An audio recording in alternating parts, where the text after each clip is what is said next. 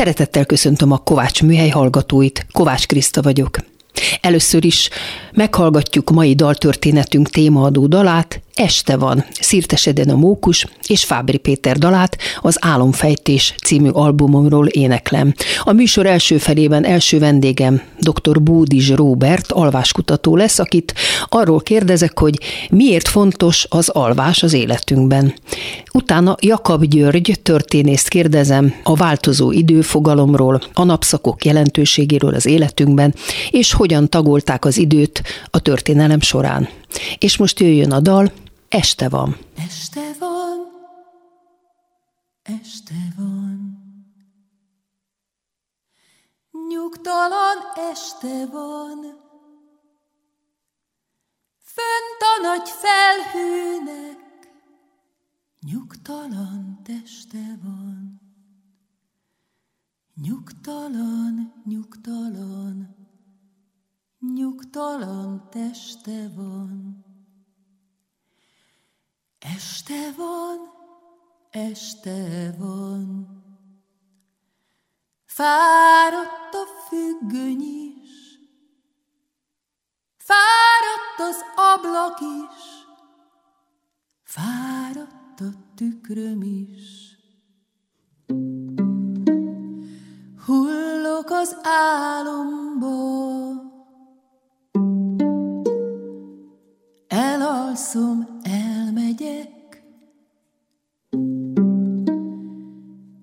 Este van, este van, jönnek -e reggelek, hullok az álomba,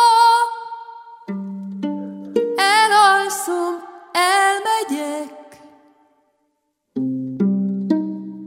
Este van, este van,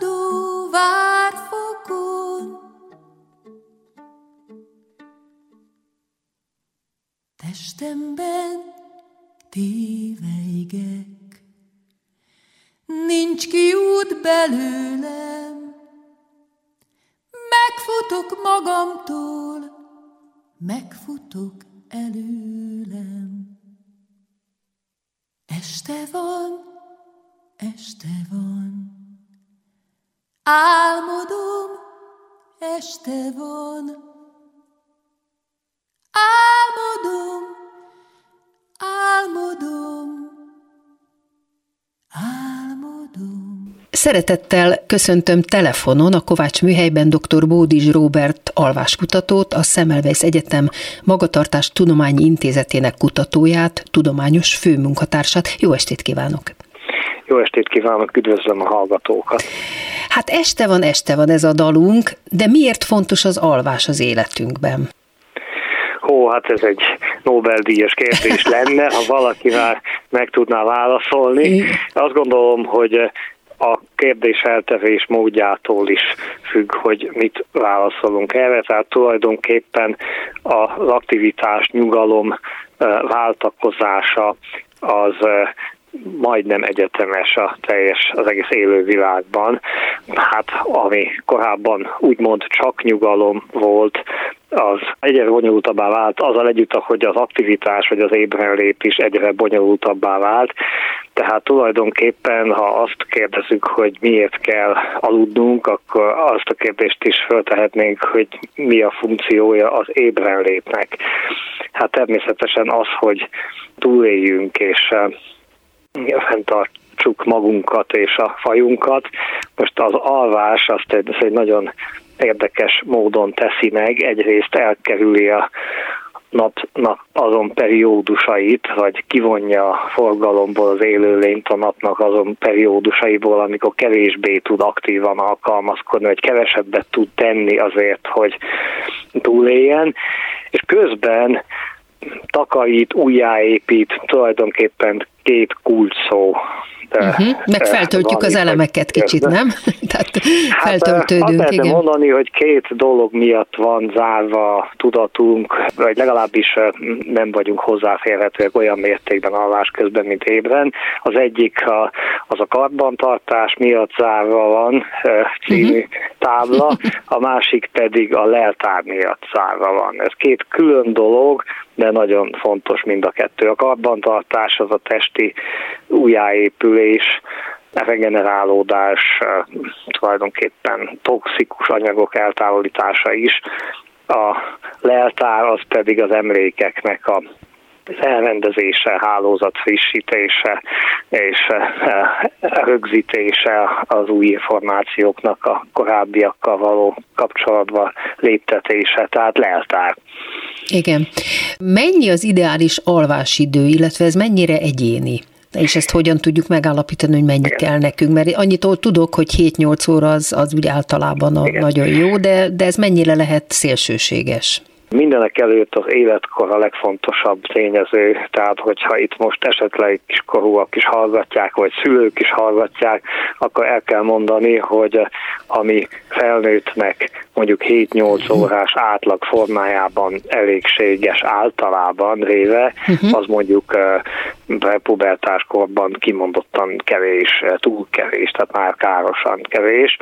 És igen, a felnőttekre visszatérve a 7-8 órás átlag az, amivel az emberek a legegészségesebbek és a legtovább élnek, de gyorsan hozzáteszem, ez nem jelenti azt, hogyha valaki többet szeret aludni, akkor feltétlenül valamilyen baja lesz, tehát itt azért nagyon nagy egyéni különbségek lehetnek, tehát bőven belefér a 9 órás alvás preferencia is, ha valakinek esetleg ilyen van. A kérdés inkább az, hogy amikor fölébred, akkor kipihenten frissen ébred-e vagy sem.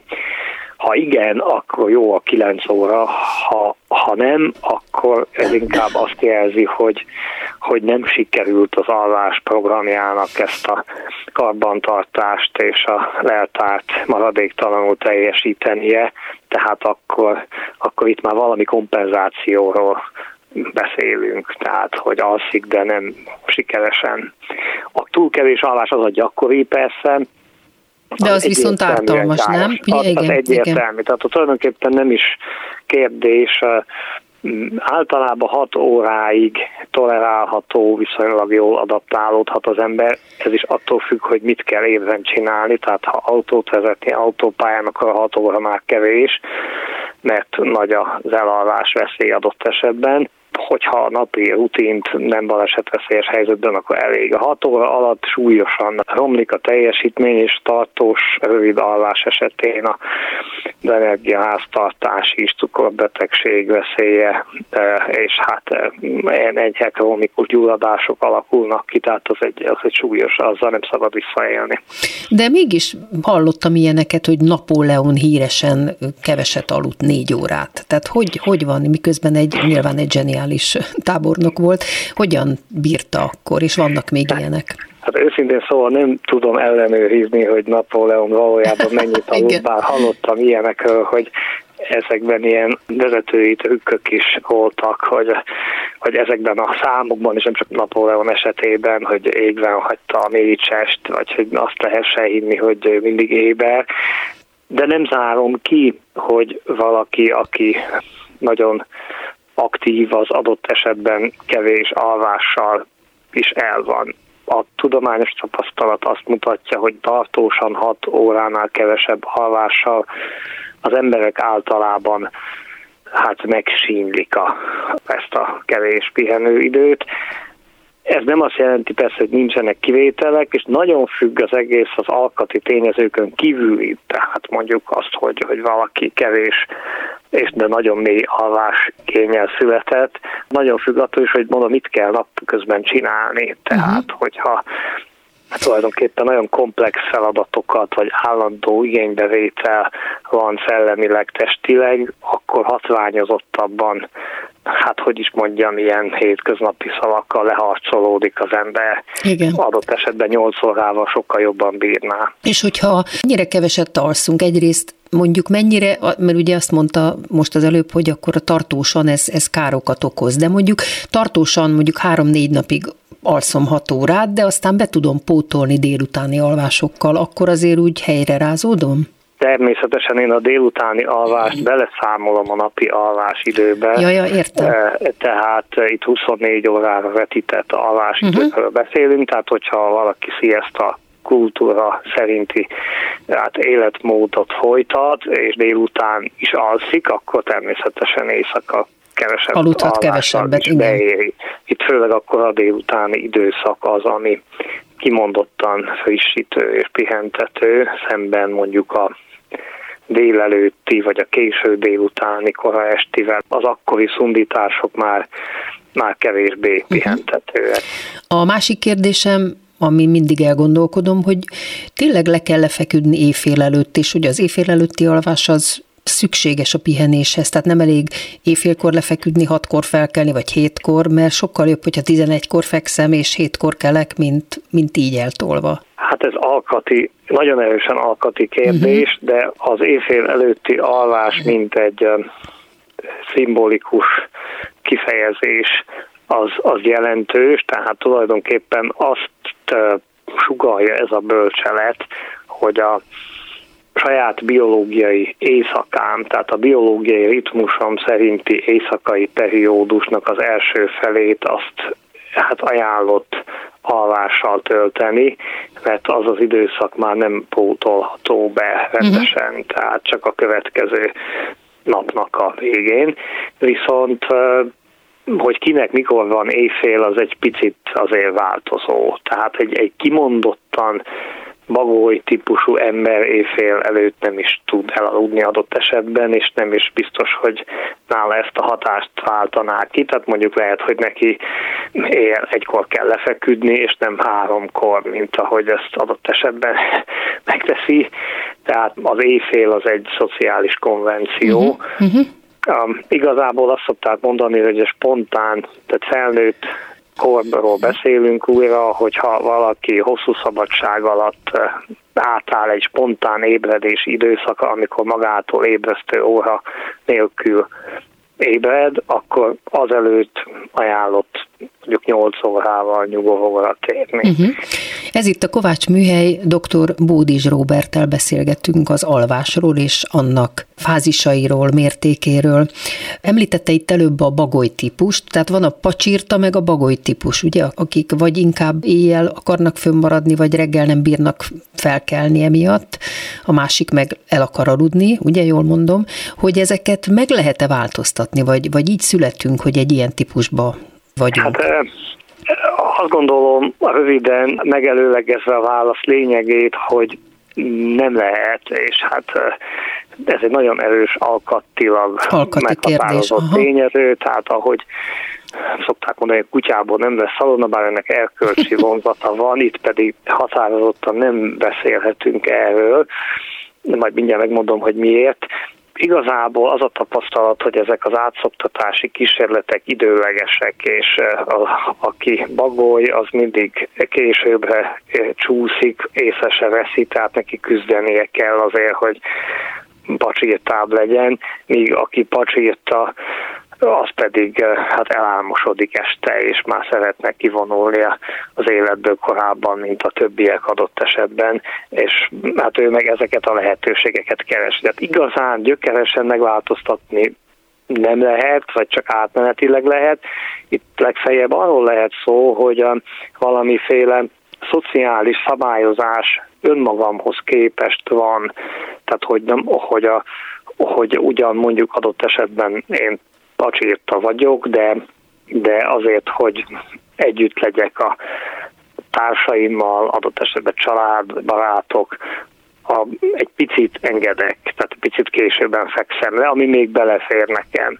És ezek a picik, ezek hát ilyen tulajdonképpen egy óráról beszélünk uh-huh, reálisan, ami még tolerálható, és ugyanez fordítva a bagyoknak a korábbi, hát többnyire korábbi kelése az, ami, ami alkalmazkodást igényel. Most, hogy miért nem értékítélet, ez ugye korábban a Aki korán kell aranyat lel című, vagy típusú szólás volt ismert, ami a paraszti társadalmaknak az életfelfogásából, az életmódjából ered.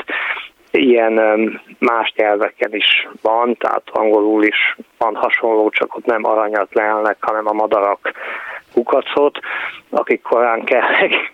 Itt az a helyzet, hogy nem egészen így áll a dolog, ugyanannyira szükség van a bagyokra, mint uh-huh. a pacsétákra. Ugye ismerünk egy csomó ilyen munkakört, ahol az éjszakai jelenlét fontos, ezt a bagyok ugye sokkal jobban bírják természetesen, nem beszélve a mondjuk a törzsi társadalmakról, ahol az éjszakai őrzése a törzsnek, meg általában a harcosok inkább az éjszakai életmódban hát lelik meg Tehát a magyarul, maguk.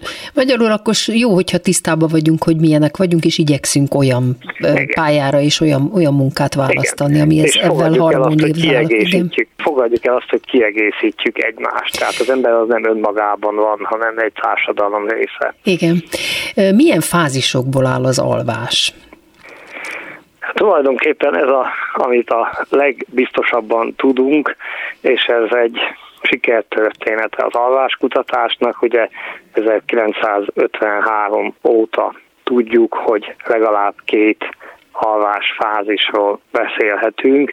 Az egyik a a nyugodt, korábban is ismert alvás, amikor az agyi anyagcsere, vér nyomás, agyi aktivitás, minden csökken. Ez a mély alvás, ezt ez a mély alvás, igen. mondhatjuk mély alvásnak hétköznap értelemben, és ami meglepő, hogy 90 percenként fellép egy másik fázis, ez volt a az újdonság, az, ami annak idején az újdonság erejére hatott, ez egy paradox alvásnak is hívták, mert az a paradoxona, hogy az agy hirtelen mindenféle külső hatás nélkül aktívvá válik, tehát az ébrenléthez hasonló aktivitás mintázatot mutat, miközben az alvó továbbra is alszik, az izmai még jobban el vannak elnyedve, mint korábban, de a szíve hevesebben dobog, szabálytalanabbul dobog, mozognak a szemei, ugye innen a, e,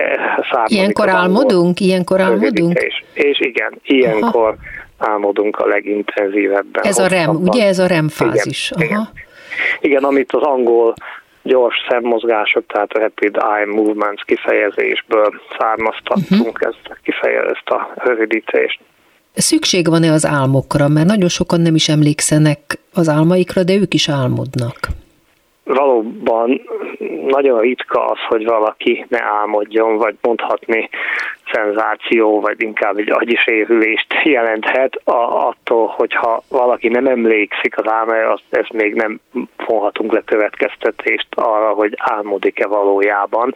Tehát az attól még álmodhat, és többnyire álmodik is. És úgy tűnik ma, hogy ezek az álomtevékenységek elválaszthatatlanok a remfázistól. Tehát, uh-huh. mint ahogy nem tudunk úgy ébren lenni, hogy ne gondoljunk valamire, vagy ne, legy, ne fusson át valami a lelki szemeink előtt, vagy ne lebegjen valami, vagy legalábbis nagyon nehéz ezt elérni még a buddhista meditációban uh-huh. jártas emberek számára is. Az aktív remfázisbeli agyműködésnek megvan a maga lenyomata. Tehát a kérdés nem is az, hogy szükség van-e rá, hanem hogy tudunk-e nem gondolni valamire, nem tudunk. Tehát az agyi tevékenység élményekkel jár, és ez az agyi tevékenység, ez nagyon fontos nekünk. A, ugye a REM szakasz is hozzájárul az érzelmi hangulati egyensúly kialakulásához, az emléknyomok elrendeződéséhez, meg egyáltalán leginkább egy fajta ilyen lelki-szellemi regenerációhoz, hogy az álomtörténet maga ehhez hogy illeszkedik, hát ez megint egy fogas kérdés, hiszen nagyon bonyolultak, sok rétűek az álmok, nincs egységes szimbólumrendszer, amivel le lehetne fordítani őket, de kétségtelen, hogy az egyén saját gondolatrendszerén belül, vagy saját asszociatív mezején belül értelemmel bírhatnak, vagy legalábbis jelzésértékkel bírhatnak, amivel ezért, amikkel ezért érdemes foglalkozni. A szellemi teljesítményünk rögzítése az melyik fázishoz kötődik? Hát szellemi teljesítmény alatt ugye sok mindent érthetünk. Tehát, hát mondjuk hogyha, tanulunk valamit, és rögzíteni akarjuk. A rögzítés, tehát az emlékezetbe való rögzítése a tanultaknak, az nagyon érdekes hipotézisek mentén vizsgálják ezt a jelenséget ma napság, és hát tulajdonképpen ma a legkiegyensúlyozottabb elképzelés szerint nem lehet egyetlen alvásfázishoz kötni, tehát mindkét alvásfázis a maga módján hozzájárul ahhoz, hogy ezek az emlékek rögzüljenek, hogy hatékonyabban rögzüljenek. Tehát úgy tűnik, hogy a legjobb emlékezés akkor következik be, hogyha az embernek a lassú vagy nyugodt alvását, mély alvását rendfázis követi, és aztán ez újra megismétlődik, és mind a kettőben vannak olyan elemek, amik hozzájárulnak a rögzüléshez másként. Leginkább a, a, a nyers rögzülés az talán a mély alváshoz kapcsolódik, tehát hogy tulajdonképpen uh-huh. meg, megragadjuk, de a, hogy azt, hogy mi történt pontosan tényszerűen, hogy mit tanultunk, azonban hogy ez értelmet nyerjen, és valahogy a saját élményeink hálózatában is hát elrendeződjön, ahhoz meg a remfázis szükségeltetik nagyobb mértékben. Mennyire befolyásolják az álmainkat és egyáltalán az alvásunk minőségét az esti étkezések és evések? Hó, hát ez... Tudunk erre valamit? Mert én csak sok, saját sok, tapasztalatot igen. tudok, én jobban alszom, hogyha nem este nem eszem.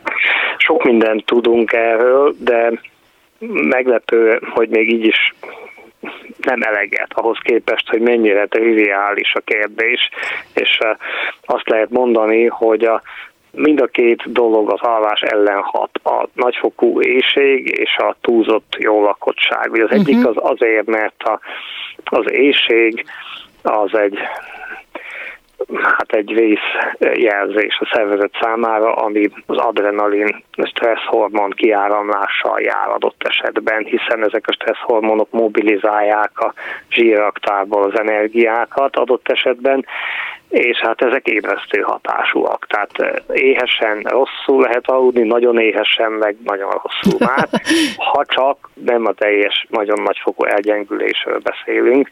Ez egy másik érdekes kérdés, de hogy, a, hogy ez hogy van. A túlzott jó lakosság, a jó lakottság pedig nyilván az emésztésen keresztül, tehát a túlzott emésztési terhek révén zavarja tulajdonképpen a belső érzékelés révén a, az alvást.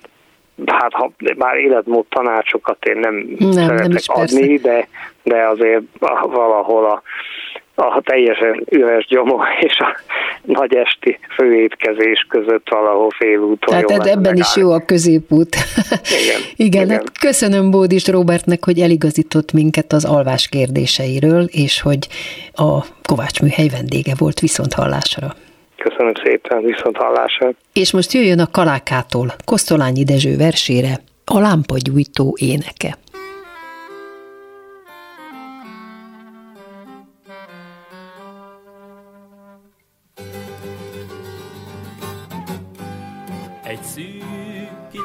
Bodban viszem a szent tüzet felétek.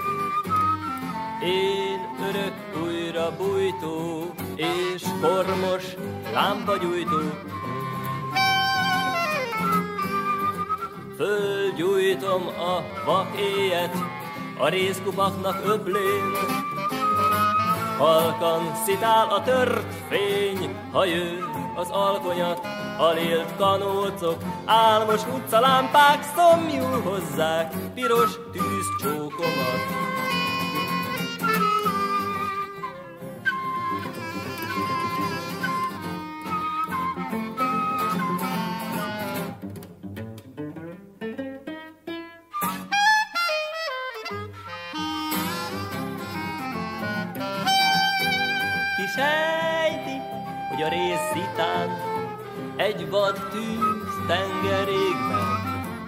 S agyáva pillelánkban egy lázadó világban, bebörtönözve mélyen, csak én tudom, a tűzsugáros vörös szemekkel int a vár. S rám hull a sűrű köd, és tűzbotommal Görbe utcasarkon, én kormos ember, csöndben eltűnök.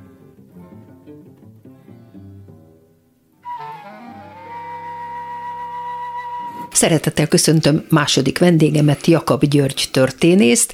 Közben itt kint összetegeződtünk, úgyhogy szervusz, Gyuri. Szervusz, kedves műhely. Azt mondtad, hogy valami érdekes eszedbe jutott erről a témaadó dalunkról. Elmondod nekem, illetve a hallgatóknak. Hát azt nem tudom, hogy érdekes de minden esetre uh, itt az idővel kapcsolatban a keletkezés és végesség, tehát hogy, hogy én a drámaiságát éltem meg, tehát nem akarom túl dimenzionálni se. Igen.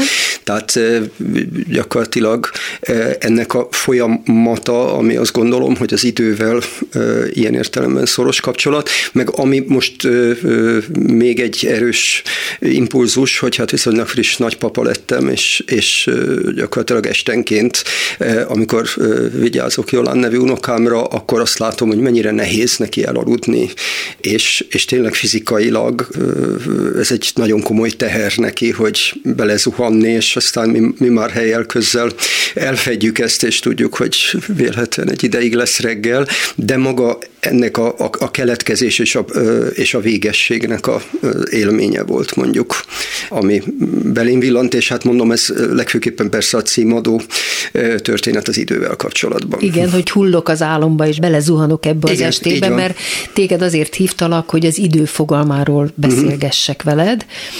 Hát a nappalok és az éjszakák váltakozása tagolja az időt, így van ebben a dalban is, és, és ez körkörösen visszatér így minden van. nap, de az idő fogalmakat így tágíthatjuk, ugye uh-huh. van az nappal éjszaka, akkor a napszakok, hónapok, és egyre tágabb fogalmakig eljutunk, uh-huh. amíg már ott tartunk, hogy évmilliók.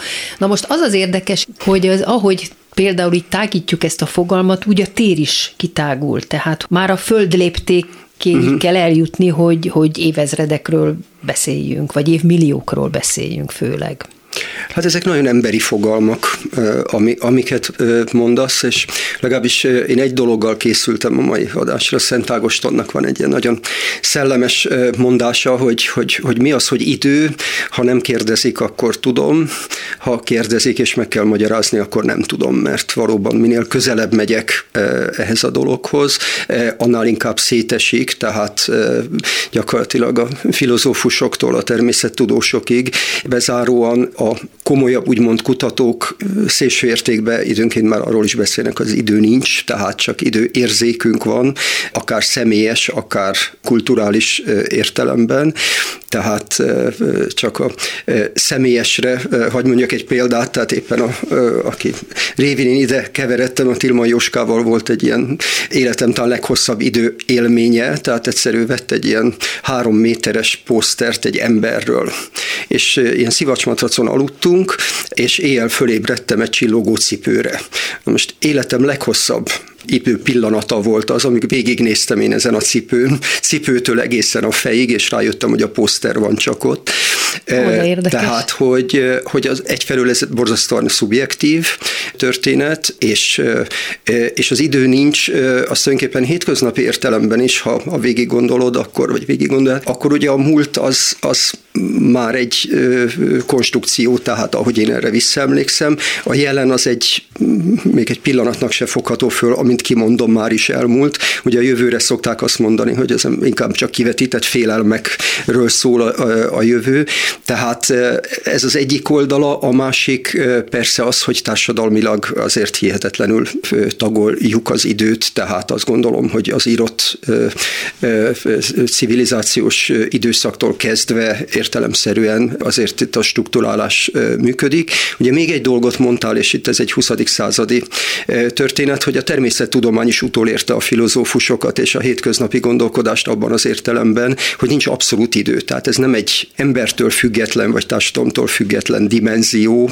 akár csak a tér. E, itt ugye az Einstein, most azt hiszem nem is ez a fő témánk, tehát én ebben nem kezdek bele, de valóban a fizika kezdte el, amit aztán utána a 20. századi filozófusok is e, átvettek, hogy e, tulajdonképpen csak az idő érzékünkelésünk van, és hogy hihetetlen sokféle megközelítés van. Tehát összefoglalva, klasszikus értelemben, ha mondom, minél közelebb megyünk, mint egy fényképhez, szétbomlik apró pontokhoz, az egy másik dolog, hogy pragmatikusan mégis időbe élünk, és mindaz, amit elmond mondtál, az érvényes. De pont mivel te történész vagy, és... Történelem tanár, ez csak...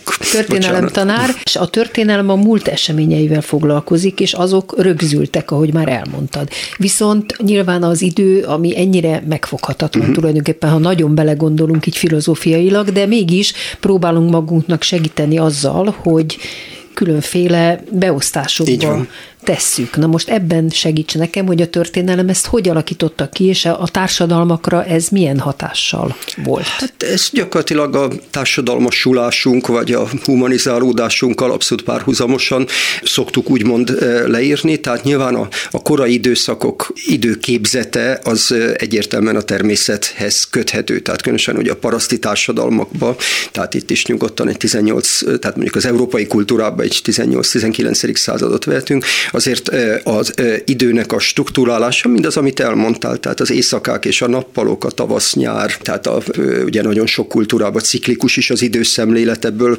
következően. Itt ugye a mi kultúránkban még egy nagyon fontos tényező lett, ami egyre erősebb, ez ugye az egyház, a vallás, ami nagyon sok tekintetben, és mondjuk nagyon általában a középkor, mert az egy nagyon bőséges fogalom, tehát a középkorban megpróbálja megvédeni az embereket. Megvédeni az, megvédeni az embereket attól, hogy, hogy egész egyszerűen a túlélésük érdekébe gazdálkodjanak az erőikkel. Tehát nem ide tartozik, de ugye a klasszikus tavaszi bőjt azt tulajdonképpen arról szól, hogy ne egyétek meg a vetőmagot, amit majd el kell vetnetek. Tehát ebben az értelemben, amit ugye kevésbé tudunk, és az ember egy nagyon lusta lény természete szerint, tehát ugye a középkor első szakaszaiban kb. 170-180 egyházi ünnep volt. Nyilván ez igazodott a munkákhoz is, tehát elsősorban a téli időszakban, de amikor az állatok etetésén kívül tulajdonképpen a munka bizonyos mértékig tilos volt. Na most ebbe, ebbe ezt az egyházi ünnepek tagolták az évet, és ugye a harang szó volt pedig a napi szintnek, a különböző időszakoknak a, a beosztója, tehát ugye egy falu vagy falvak közepén ott állt a templom, és a harangszót mindenki hallotta. Ugye itt a, a köztes dolog, tehát a természeti és a társadalmi történet, hogy, hogy amiről még szeretnék is majd beszélni, hogy, hogy normál esetben a 18. századig ilyenkor az emberek téli álmot aludtak, hiszen ugye a civilizáció, a világítás, erről is volt szó, nem tette lehetővé, tehát most már besötétedett, nyugovóra térünk, nincs is pénzünk lám, petróleumra vagy bármiféle világításra, tehát hihetetlen módon próbálják azt a, ha úgy tetszik, arany középutat, hogy a természet részeként működünk. És akkor ugye a nagy találmány, ha már itt tartunk, ugye a, a toronyóra. Tehát amikor ja. elkezdődik a társadalmasítása a dolognak, ami szintén ugye a település legmagasabb pontján gyakorlatilag elkezdi közössé tenni, tehát addig is a természet nyilván közösségeket alakít ki ez ügybe, de ugye itt jelenik meg az időpénz és a egyéb történetek, tehát a következő időszak, amikor tulajdonképpen ez az egyház mellett, tehát azért a templom tornyán van, ugye, de már a gazdasági szempontok, tehát amikor ugye nem ciklikus a rendszer, mert ugye nagyon sokáig egy mezőgazdasági kultúrában nincs értelme túl sokat termelni, mert az megrohad. Tehát tulajdonképpen az a kapitalista dolog, hogy holnap többet, holnap után még többet, ez kevésbé érvényes, és tulajdonképpen ez megy át most az időre, ugye a zsebóra és a karóra, amikor ez szépen individualizálódik, és ugye megjelenik egy, amit ugye normalizációnak szoktak mondani, hogy társadalmi ellenőrzés alá kerül az ember ideje, tehát a munkaidő, szabadidő szétválik, gyár és stb. stb. Tehát nagyon hasonló folyamat megy végbe, mint például a telefon esetében, és mondom, erről majd szintén még szeretnék beszélni, tehát hogy egy, egy központ vagy a televízió és a telefon, tehát egy központilag szabályozott rendszer individualizálódik, de megtartja a közösségi jellegét. Ez itt a Kovács Műhely, Jakab Györgyel beszélgettünk az időről és az idő fogalmáról. Ha már említetted itt a toronyórát, Mennyire változtatta meg a, az időtudatunkat, és egyáltalán az egész munkához való hozzáállásunkat az, amikor kitalálták a világítást? Tehát nem a, csak az, hogy gyertyával, Igen. hanem amikor jött a világítás, és ez újabb lehetőségeket teremtett, hiszen nem vagyunk már a, a napfényhez, illetve a világossághoz kötve. Ez így van, és én itt most lehet, hogy eretnek, amiket mondok, csak ugye nagyon hajlamosak vagyunk valóban az időt egy ilyen lineáris élethosszig logikába eh, kigondolni. Tehát ez ügybe az én mániám az, hogy, hogy a szélessége is fontos. Tehát, hogy nem az történik, ugye, amit ma azt mondunk, hogy gyorsuló idő, tehát nem az időnk gyorsult föl, hanem a tevékenységek, a történetek, amit gyakorlatilag belezsúfolunk az időkeret. És ezért érezzük idő, időkeretek. Ezért érezzük gyorsan, itt, itt jön a szubjektív időátélés ez ügybe, tehát, hogy, hogy értelemszerűen a világossággal, ugye, amit mondtam, által, tehát egyáltalán a, a civilizációs komfort viszonyok, amik például azért az élettartamot is megnövelték, és egyébként ez ugye azt jelentette, hogy nem ötkor már ágyba dőlünk, és legfeljebb mesélünk egymásnak a sötétbe, és nem tudom én, simogatjuk egymást, vagy bármit, hanem tulajdonképpen elkezdett a rendelkezésre álló időmennyiség, mondom, mint időtartam is egyfelől, és az naponta rendelkezésre idő is kibővülni, tehát amit ugye azt látjuk, hogy Budapest Budapest is lassan 24 órás várossá válik. Hát a nagyvárosok mindegyik szerintem alapvetően. Igen, csak ha most végig gondolok a saját, akár az életemre, hogy mondjuk 30-40 évvel ezelőtt, adott esetben Budapesten is azt gondolom, hogy 10 után, mondjuk 11 után már taxival meg, tehát hogy ez uh-huh. már egy extrém program volt, és nyilvánvaló minél kisebb településre megyünk, ez annál inkább. Tehát, hogy annyi történik, hogy azáltal gyorsul föl az életünk, hogy egyre több tevékenységet tudunk tudunk ezen civilizációs ügyek révén belezsúfolni. Én hagyd mondjak egy megint mai példát, de aztán majd térjél vissza, mert nekem meg most ez a kedvenc mánik, mániám és nőnükém, hogy gyakorlatilag a mobiltelefon és az mobil internet feltalálásával megszűntek a törmelékidők. Tehát ülök a buszon. Aha, azt ülök, ki, kell, ki kell gyorsan használni. Ülök, ülök a buszon. Ugye és, egy hírt, vagy és, egy Facebook bejegyzést. Így van, és én most egy mozgalmat akarok akár itt is indítani a bambulásért. Tehát én emlékszem, hogy amikor ez nem volt, akkor gyakorlatilag az agyam pihent, és bámult kifelé. És vagy egyebek. néztem a várost, meg vagy az embereket. Igen. És most meg azt érzem, hogy, hogy üres az idő, Jézus Mária, hogyha van három percem, akkor is előveszem a mobilt. Nem tudok leszokni róla, mert ez egy inger történet, és egyébként ennek, és akkor most visszatérek az eredeti kérdésre, a világítás feltalálásával egy nagyon komoly evolúciós nyomás nehezedik az idegrendszerünkre, mert ugyanabban az időben gyakorlatilag még többet akarunk lefekvés előtt, nem pihenünk, nincsenek meg azok az átmenetek, tehát hogy, hogy ilyen szempontból is azt gondolom, hogy izgalmas, hogy egészen más a 19. század előtti, de akár még a 20. század első fejének emberének az időképzete, és ugye ezzel kezdtük, hogy, hogy ez egy nagyon szubjektív átélése a, a világnak. Ez egy új evolúciós helyzet, amelyet bizonyos emberek bírni fognak, bizonyos emberek nem. Tehát, hogy, hogy nagyon szorosan ez a téridő, amit mondtál, és egyáltalán a tevékenység és az idő, bemondom, megpróbáljuk ugyanabba, és ezért mondtam a szélességet, hogy ugyanabba az időben megpróbáljuk minél több mindent belezsúfolni. Na most azt szeretném tőled még megkérdezni, hogy ezekről mit gondolsz, hogy a vallások megpróbálnak az emberek számára valamit nyújtani, hogy hogyan gondolkodjanak az időről, esetleg a haláluk után is, uh-huh. hogy mi történik akkor.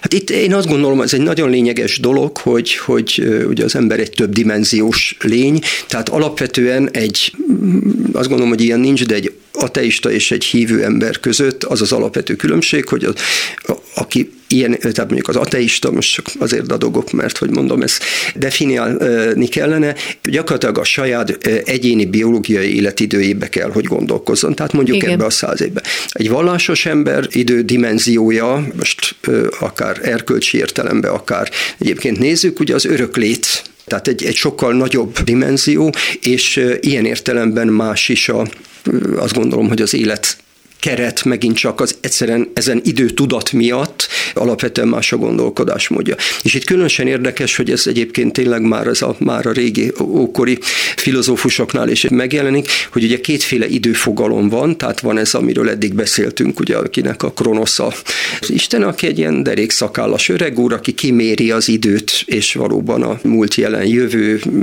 tavasz, nyár, ősz, tél, egyik óra a másik után, és lényegében ugye van ez a Kairos nevű másik hagyományos Olympus isten, de mégis az időfogalomnak egy, egy megszemélyesítetje, az pedig a kitüntetett időkkel foglalkozik, tehát, tehát nem a konkrét idővel, tehát azt mondom, hogy, hogy és majd eljön a nyár, meg, meg fogok nősülni. Tehát ez is egy időfogalom ilyen értelemben, és bizonyos mértékig legalábbis én akkor azt gondolom, hogy a vallásos emberek számára, mondom azáltal, hogy ez a tágabb idődimenzió van, ebbe sokkal másabb a cselekedetekhez való viszony bizonyos mértékig egy e, ilyen kitüntetett idők előtt, tehát hogy üdvözülni fogok, vagy nem fogok üdvözülni. Ki hogyan, most ebben nem akarok bele. És a bele. keleti vallásoknál, a buddhizmusnál, ahol egy körforgás van, oké, okay, majd élek, de hát újjászületek. Meghalok, újjászületek egy más testben, más formában, és megy egy körforgás. Tehát itt is van, én ezt lejjebb kezdeném, tehát hogy valóban kultúránként nagyon különbözik, tehát egy, megint a természeti népeknél is.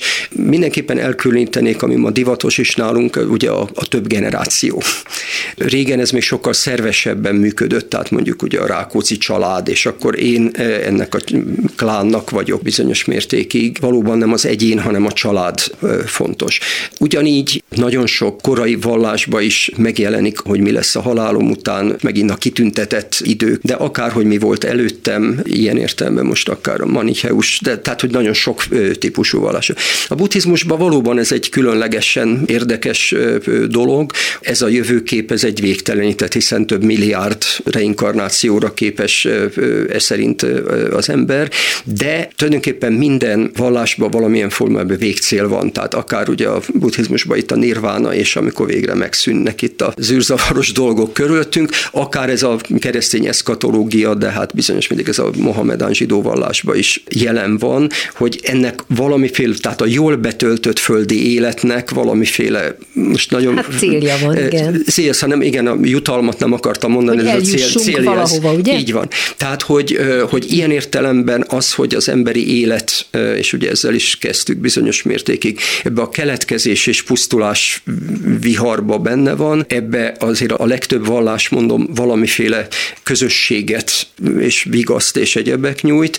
Ugye bizonyos mértékig pont ennek a modern, úgynevezett modern kultúrának az átka, hogyha viszont individuális vagyok, és az alany nem a családom, nem a klánom, nem a, az egyházam, nem az a közösség, amiben én élek, akkor itt ez még drámaibb lehet, tehát egy ilyen sziszifoszi történet abban az értelemben, hogy, hogy, hogy akkor ezt itt nagyon ki kell használni. És ennek ilyen értelemben egy olyan relativizálása lesz az időnek, ami, ami azt gondolom, hogy veszélyes. Kedves Gyuri, hát elszaladt az idő, úgyhogy befejezésül már csak egy idézetet szeretnék neked mondani, és hogy erről mit gondolsz Einsteintől, az idő a természet módszere a mindennek egyszerre való történésének megakadályozására. Hát ez így van, ez csak az Istenek képesek erre, ez így van. És köszönöm szépen. És, Köszönöm Jakab Györgynek, hogy vendégeskedett a Kovács műhelyben. Szia Gyuri! Jó, szia. És köszönöm hallgatóink figyelmét Pályi Márk és Lantai Miklós munkatársaim nevében is. Az adás ismétlése ma este tízkor hallható, majd utána az archívumban is bármikor elérhető. Hallgassanak minket továbbra is az interneten és podcastként is. Jövő vasárnap egy újabb daltörténettel jelentkezik a Kovács műhelyben, de Kovács Krisztával és vendégeivel. Einstein szánkózik. Szirtes Edina Mókus és Fábri Péter dalát az Álomfejtés című albumomról éneklem. Első vendégemet Mérő László, pszichológiai kutatót, matematikust, egyetemi tanárt Einsteinről és a zsenikről kérdezem. Majd Képes Gábor, informatika történészt, a Najman János Számítógép Tudományi Társaság marketing igazgatóját arról, hogy Najman Jánosra milyen hatással volt Einstein. Kovács műhely vasárnaponként 5-kor, ismétlés este 10-kor, majd utána az archívumban és podcastként is, bármikor meghallgatható. Viszont hallásra!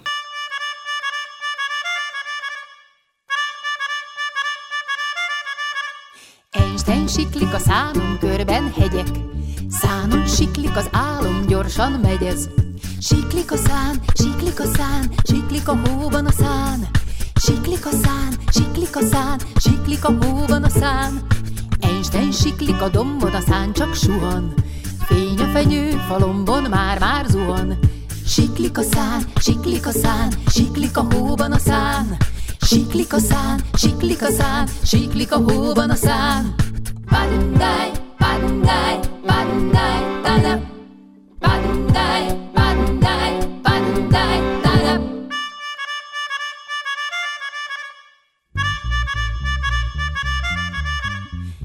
Einstein siklik a hóban, felnéz egek. Csillagok gyúlnak sorban, meddig megyek. Siklik a szán, siklik a szán, siklik a hóban a szán. Siklik a szán, siklik a szán, siklik a hóban a szán. Einstein siklik az égen széttört színek. Hány szín rejlik a fényben, hó és hideg. Siklik a szán, siklik a szán, siklik a hóban a szán. Siklik a szán, siklik a szán, siklik a hóban a szán.